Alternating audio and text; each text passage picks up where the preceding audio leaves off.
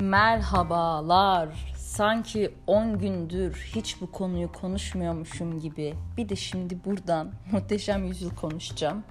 Kanuni'nin, Kanuni'nin böyle tüm kararları ben alacağım kararlılığı, Valide Sultan'ın sürekli haremin düzeninin bozulması bahanesi altında otorite ve güç kaybı korkusu, Mahidevran'ın sadece ve sadece ağlayarak gücünü ve biricik aşkı hünkârını kaybetme korkusu, Hatice Sultan'ın kibirle ben sultanım, siz işte hanedan üyesiyim. Siz diğer kadınlar ve ben aynı değiliz hislerisi ve Pargalı'nın hırsına yenik düşüp kendine dünyanın en yanlış e, düşmanını seçmesiyle biten, eğlendiğim, gülerken koltuktan düşüp kolumu incittiğim muhteşem yüzyıl izleme ve yorumlama sürecimi sonunda tamamladım. Yalan yok.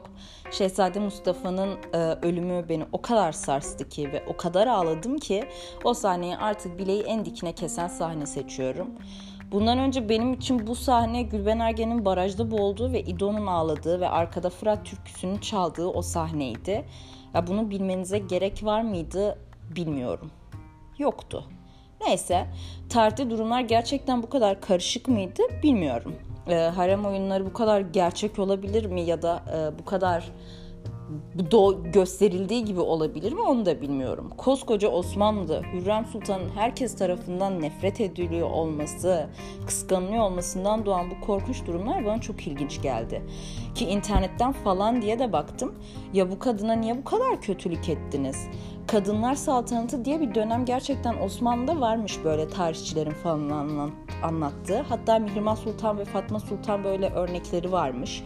Ee, bunlarda da böyle görüldüğü gibi bir padişah kızının veya işte Kösem ve Safiye Sultan örneklerindeki gibi büyük valide sultanların devlet yönetimine müdahale etmeleri zaman zaman da direkt devleti yönettikleri döneme verilen bir admış. Böyle bir şey varmış ki kanundan sonra başlayan duraklama ve gerileme süreçlerinde kadınların devlet işlerine karışmasının neden olduğu gibi bir görüş yaygınlaşmış. Hani kadınlar yüzünden Osmanlı yıkıldı gibi bir görüş varmış. Ama kadınlar saltanatı dönemi halk ve tarihçiler arasında da bu yüzden bu arada çok olumsuz e, algılanıyormuş. Ama kadınlar saltanatının başladığı dönemden sona ermesine kadar ee, yani Osmanlı Devleti'nin işte çöküşünün yavaşlamadığı tam tersine hız kazandığı gibi bir gerçekte maalesef varmış. Yani kanunun bulunduğu dönemde e, gördüğüm kadarıyla kanunu sevmiş bu kadını. Aşık olmuş. E Hürrem de aşkı karşısında elinden geleni ardına koymamış ki bunu bence yapmakta zorunda. E, Hürrem bir cariye köle olarak geliyor saraya. Zaten kaybedecek hiçbir şey yok. En baştan yeniden inşa etmeye çalışıyor. Bunu yaparken kendini koruması ve kollaması lazım dizde gördüğüm kadarıyla en başta aslında çok böyle ciddi kötülükler yapmıyor. Ha ciddi bir sivri dili var. Belki bu tamamen ondan nefret etmelerine sebep oluyor ama Mai Devran'ın e, nefretini kazanıp Mai Devran yoluyla diğer e, işte Valide Sultan'ın, Hatice Sultan'ın falan da nefretini kazanıyor. Çünkü e, Mai Devran'ın büyük aşkı elinden gitmiş oluyor bir şekilde. Hayır Mai Devran sen bunları ne yapıyorsun ki Hürrem e, bu kadar güç kazanırken? Ağlamak, sızlamak toplamak, Valide Sultan'dan, Hatice Sultan'dan, Pargalı'dan medet ummaktan başka ne yapıyorsun? Yani sürekli öldürmeye çalışıp düşmanı güçlendirmek dışında hiçbir işe yaramayan ve yine olanın da sana olduğu tamamen duygusal bir sürü karar almak dışında ne yapıyorsun? Ya Mahidevran sözelci gibi davranıyordu bütün planları yaparken. Sakın unutmayın biz Mahidevran değiliz. Biz Hürrem Sultanız. Biz ağlamak yerine her başımıza kötü şey geldiğinde dimdik, daha dik ayağa kalkacağız. Bunu yapmak zorundayız. Ortalama bir Orta Doğu ülkesinde yaşamanın bir kadın için ne kadar zor olduğunu Osmanlısından Türkiye'sine, İran'dan Suriye'sine anlatmaya gerek yok. Durumlar belki değişiyor fakat başa gelen sonuçlar hep aynı iken biz oturup kaderimize razı mı oluyoruz? Hayır. Hürrem aşkı için savaşmış gibi görünüyor sürekli ama bence Hürrem özgürlüğü için savaşıyor ve itaat etmeyerek, ölümü göze alarak, her türlü yolu deneyerek yapıyor bunu. Koskoca saraya köle olarak gelip, kölelikten azat edilip, kanuniye nikah kıydırıp, elde ettiği gücü aşk motivasyonuyla mı yoksa özgürlük talebiyle mi yapıp yapmadığını ben çok merak ediyorum. Çünkü e, ve hani bu bana böyle sürekli hep özgürleşme talebi olarak geldi ve e, yanlış hani anlaşılma olmasın böyle Sara, işte orada bir özgürleşme görünmüyor olabilir ama saray içinde ciddi bir özgürleşme var. Peki özgürlüğünü kazanmak için yaptığı her şey mübah mıydı? Yo değildi belki ama yaptı.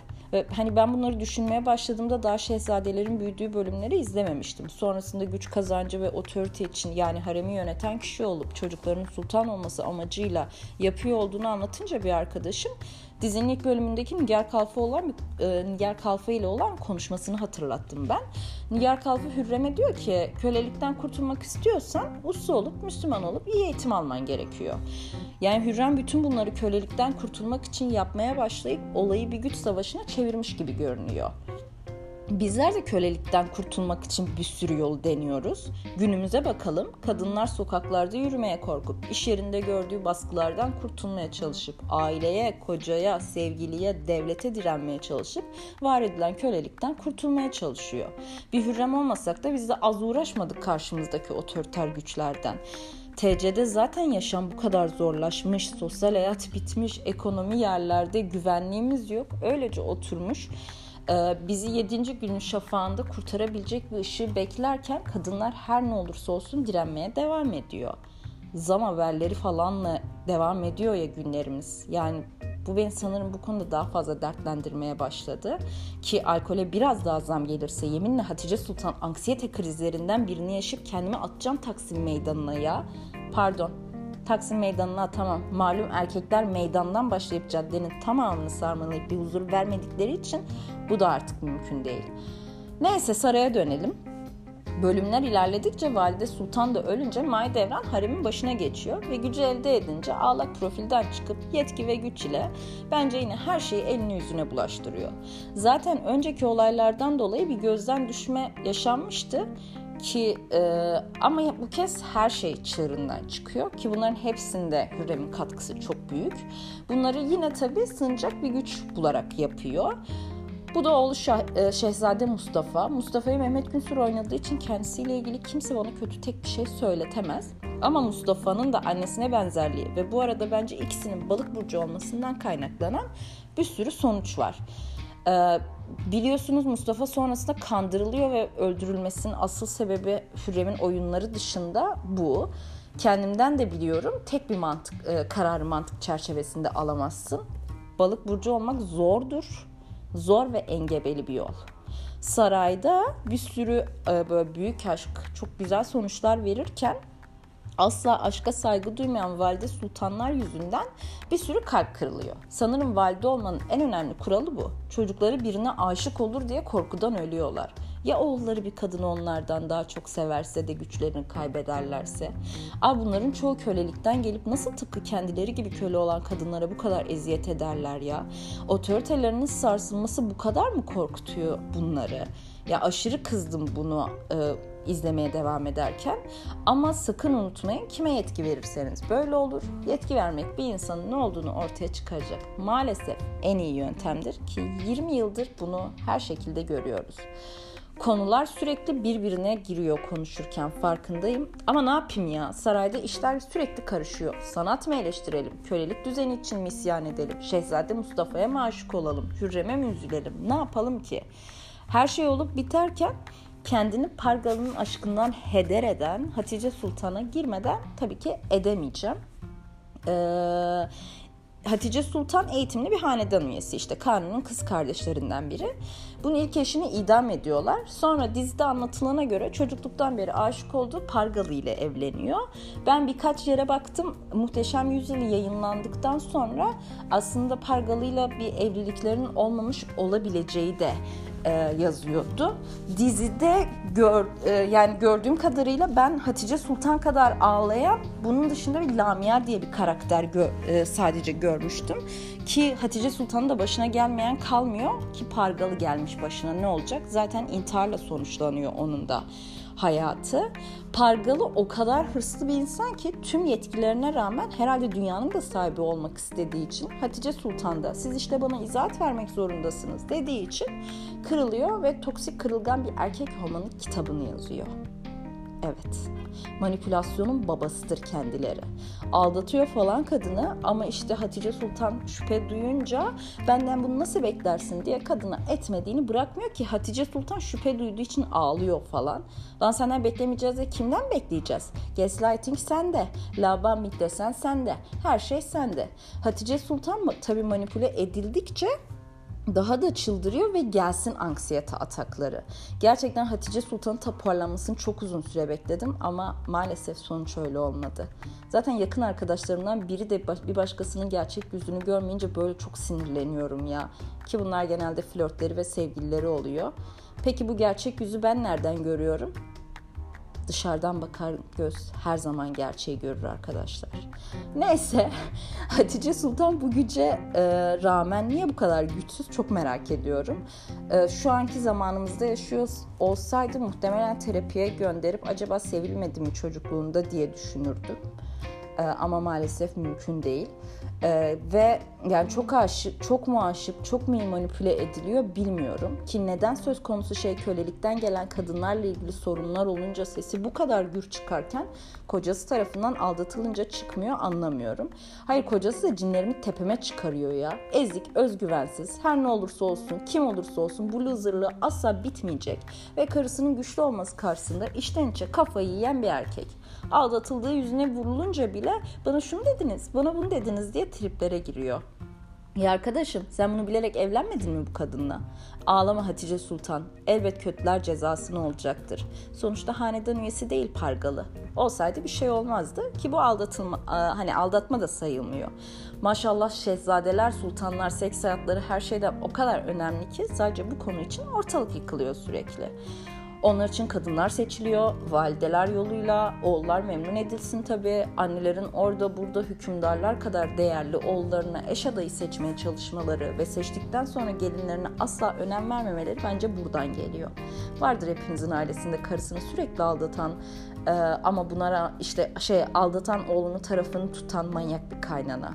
Kaldı ki Osmanlı bu seks işçileri daha karışık, daha berbat işlermiş de keyif kaçırmanın anlamı yok şimdi. Neyse e, zaman zaman ya bu kadar insan bu Hürrem Sultan'a da karşı da acaba bunun tek isteği kabullenilmek olabilir mi diye düşünüyordum izlerken. Her ne olursa olsun suçlanan, hor görülen, sevilmeyen bir insan ve e, böyle sürekli birkaç tartışmasında falan e, hep bunu böyle dile getiriyor. İşte diyor ki hani ben beni sevmenizi çok istedim ama siz her ne olursa olsun benim hep karşımda oldunuz diyor. E, bu onu acaba hırçınlaştırmış olabilir mi diye düşündüm ki Hürrem Sultan iyi bir insan değil. Evet ama kimsenin iyi olmadığı bir yerde e, tek bir insandan iyilik ve güzellik bekleyemeyiz değil mi? Yani itiraf edelim birbirimize. Birçok insan birçok başka insandan saf iyilik, e, güzellik, hoşgörü ve nezaket adı altında bence sadece kendi gücünün altında saygı görmek istiyor. Yani saygı değil de sonsuz bir itaat görmek istiyor. Birçok insanın iyilik ve nezaket olarak görülen talebi bana sonsuz bir itaat talebi olarak geliyor. Bu dizi bana bu kadar çok şey düşündürmüş olabilir mi diye ben de düşündüm şimdi konuşunca. Bazen boşta kalmak insana muhteşem yüzyıl üzerinden bile bir sürü şey düşündürebiliyor arkadaşlar. Sanatsal film ve dizilerde herkes düşünecek bir şeyler bulur. Kolaysa muhteşem yüzyıl üzerinden bulun. Neyse benim bu diziyle ilgili söyleyeceğim son şey şu. Ben storylerde çok uzun süre bunu paylaşmaya devam paylaşıyordum yani e, olayları falan. Ve paylaştıkça bir sürü insan gizlice izlediği hakkında DM atıp beni cesaretimden dolayı falan tebrik etti. Aşırı güldüm ben buna ya. Arkadaşlar bırakın bu saçma sapan tamamen herkesin sev- ze- zevkiyle ilgili yargılara varıp sizin sevmediğiniz şeyleri seven insanları hor görmeyi ya. Hor görülen arkadaşlara da bir lafım var. Sizin kime ne ya sizin ne izleyip ne dinlediğinizden. Neyse mesajımızı da verdik. Muhteşem Yüzyıl konusunu Topkapı Sarayı gezimi tamamladıktan sonra bitireceğim. Aşkın ve acının diyarından herkese selam ediyor. Hürremler vardır alışın buradayız diyorum. Hoşçakalın.